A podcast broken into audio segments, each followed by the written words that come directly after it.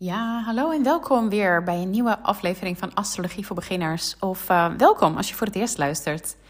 Nou, deze podcast uh, wordt een iets technischere podcast. Uh, die uiteindelijk wel gaat helpen om het puzzeltje, wat dus je astrologiechart is, om die wel beter te kunnen begrijpen. We gaan het namelijk hebben over aspecten. Nou, wat zijn aspecten? Heel simpel uitgelegd, dat zijn eigenlijk de planeten, hoe die met elkaar communiceren. En dat zie je dus op je astrologiechart, zie je dat dus aan de blauwe en de rode lijnen. Ik leg eigenlijk altijd uh, tijdens een reading uit dat hier heb je eigenlijk altijd wel een mix van beide. Nou, de blauwe lijnen zijn wat dat betreft, zeg maar, om het heel even simpel te zeggen, je kansen. En de rode lijnen zijn je uitdagingen. En nu kijk je wellicht naar je chart en dat je denkt: hé, hey, ik had eigenlijk het liefst allemaal blauwe lijnen gewild. Zie de blauwe lijnen als de zonnige dagen. Maar goed, als je alleen maar zonnige dagen hebt, dus alleen de blauwe lijnen, wordt het op een gegeven moment ook wel een beetje saai. Althans, dat vind ik dan. Je leven is dan eigenlijk te makkelijk en ja, je waardeert het eigenlijk uh, niet meer of niet zo heel erg eigenlijk. Je beschouwt het een beetje als vanzelfsprekend. Dus heb je af en toe uh, ja, wat regenachtige dagen nodig, dus de rode lijnen, die je dan weer de zonnige dagen laten waarderen. Dus uh, ja, zo leg ik dat altijd een beetje uit. En wat ook zo is, uh, de ene rode lijn is trouwens lang niet zo intens als de ander. Dus ga vooral ook geen lijnen tellen, want uh, nou ja, daar gaat het eigenlijk helemaal niet om. Maar goed, weer even terug naar de aspecten. Welke aspecten zijn er? Er zijn vijf aspecten waar eigenlijk het uh, er meest mee gewerkt wordt. En dat zijn conjunctie, oppositie, vierkant, driehoek en sextiel. Conjunctie is eigenlijk uh, heel harmonieus. En deze is eigenlijk als de planeten nou, een soort van eigenlijk op elkaar zitten als het ware. Dus binnen, um, ja, binnen 5 graden. En als je het over de maan, de zon of de ascendant, als die eigenlijk daarmee betrokken zijn, dan mag het wel binnen 10 graden. Uiteindelijk is het wel zo, hoe verder weg een planeet, dus twee planeten van elkaar zitten, hoe minder je dat natuurlijk zal voelen. Dus stel ze zitten echt op elkaar, nou ja, dat, dat voel je onwijs. Maar stel er zit 9 graden verschil tussen, ja, dan zal je dat wel een stuk minder voelen. En vaak check ik ook wel in van, hey, voel je dat eigenlijk überhaupt? Uh, omdat het eigenlijk best wel op het randje dan is. Dus uh, daar zit ook best wel een nuance in als we dus uh, even teruggaan naar de conjunctie. Um, dus als dus twee planeten eigenlijk uh, heel dicht bij elkaar zitten. Deze werken dus eigenlijk op een hele fijne manier samen. En versterken ze eigenlijk elkaar. En om je even een voorbeeld te geven. In mijn chart heb ik dus uh, Venus. Die heb ik echt pal om mijn ascendant zitten. Ze zitten echt één graad van elkaar vandaan. En beide zitten in weegschaal als we even verder gaan kijken, Venus die hoort bij weegschaal. Dus nou ja, die energie wordt eigenlijk gewoon versterkt.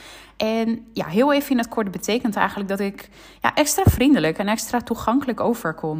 Nou, het is een klein beetje awkward om dat over mezelf te zeggen. Maar goed, uh, dit betekent het nu eenmaal, daar kan ik ook niks aan doen. Nou, gaan we verder naar de oppositie. Dit zijn eigenlijk twee planeten die 180 graden van elkaar zitten. En deze zitten eigenlijk dus pal tegenover elkaar. De oppositie die wordt eigenlijk in het algemeen mm, ja, niet super harmonieus uh, uh, gevoeld.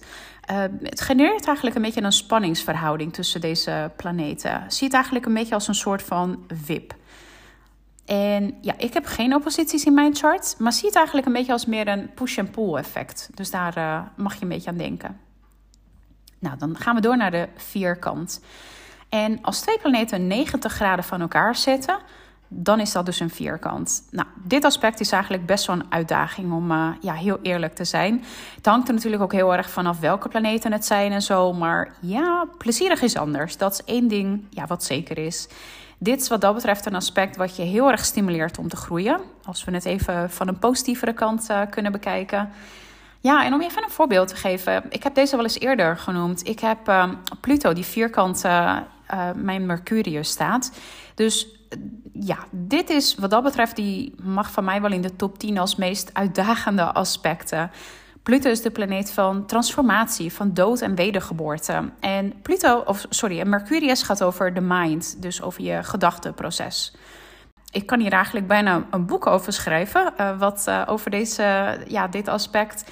Maar in het kort, ja, dit is echt gewoon een mindfucker. Ja, ik ga het ook niet mooier maken dan het is. Um, hier heb ik echt jarenlang, ja moeten leren ja, hoe je mee om te gaan eigenlijk. En nou, uiteindelijk, het mooie hier wel van is, dus in het kader van groei, ben ik uiteindelijk ook mindset coach geworden. Dus het heeft me ook eigenlijk heel veel moois gebracht. En ja, kijk, uiteindelijk uh, zo'n vierkant, dat die spanning, zeg maar, die je voelt, dat zal eigenlijk nooit helemaal overgaan. Maar je kan wel de kracht ervan, dus zeg maar het volume daarvan, die kan je wel een heel stuk flink, uh, ja, die kan je flink verlagen. Godzijdank. Dus er is hoop. nou, en dan gaan we door naar de driehoek. Nou, dit is eigenlijk de leukste. Want als twee planeten 120 graden van elkaar zitten, dan heet dat een driehoek. Nu is het trouwens zo dat je niet helemaal hoeft te gaan kijken, ja, dat je hele berekening erop los uh, hoort, uh, ja, hoeft te gooien. Je kan ook het makkelijkst eigenlijk berekenen als je dus, um, kijk bijvoorbeeld van water naar water. Dat is natuurlijk vaak een, een dus het in hetzelfde element. Dat is eigenlijk een, een driehoek. En dit aspect is dus eigenlijk wel de leukste en hetgeen wat je eigenlijk ook het meest moeiteloos afgaat. Ik heb bijvoorbeeld mijn zon-driehoek uh, Uranus. Nou, de zon is dus mijn core-identiteit en Uranus is de planeet van vrijheid, van de toekomst, verandering en uniek zijn.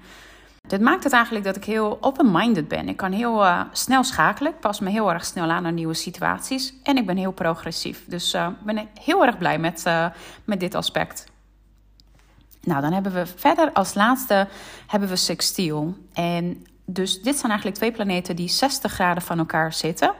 Dus stel bijvoorbeeld, nou ja, wat ik net zei, van dat je moet gaan, uh, je hoeft niet helemaal zo te gaan berekenen, maar dat je eigenlijk gaat kijken van, hey, van, uh, dat zijn eigenlijk elementen die heel compatible met elkaar zijn. Dus denk aan vuur en lucht of water en aarde. Dus dat, daar kun je eigenlijk het beste, het makkelijkst naar kijken.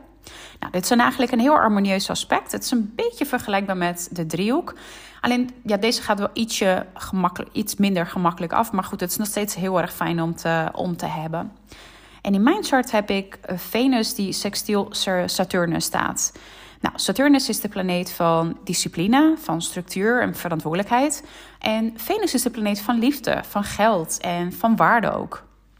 Dus je, je eigen waarde, zeg maar. En in het kort betekent dat eigenlijk dat ik heel erg van de kwaliteit ben, dus niet in uh, kwantiteit. Dus ik heb eigenlijk bijvoorbeeld liever een paar goede vrienden, dat ik heel veel kennissen heb. Dat, ja, dat past echt absoluut niet bij me. En ik ben heel eh, loyaal en betrouwbaar. En oké, dus nog even als laatste, om dat nog heel even te herhalen. Dus eh, voor de zon, de maan en ascendant mag je dus 10 graden rekenen.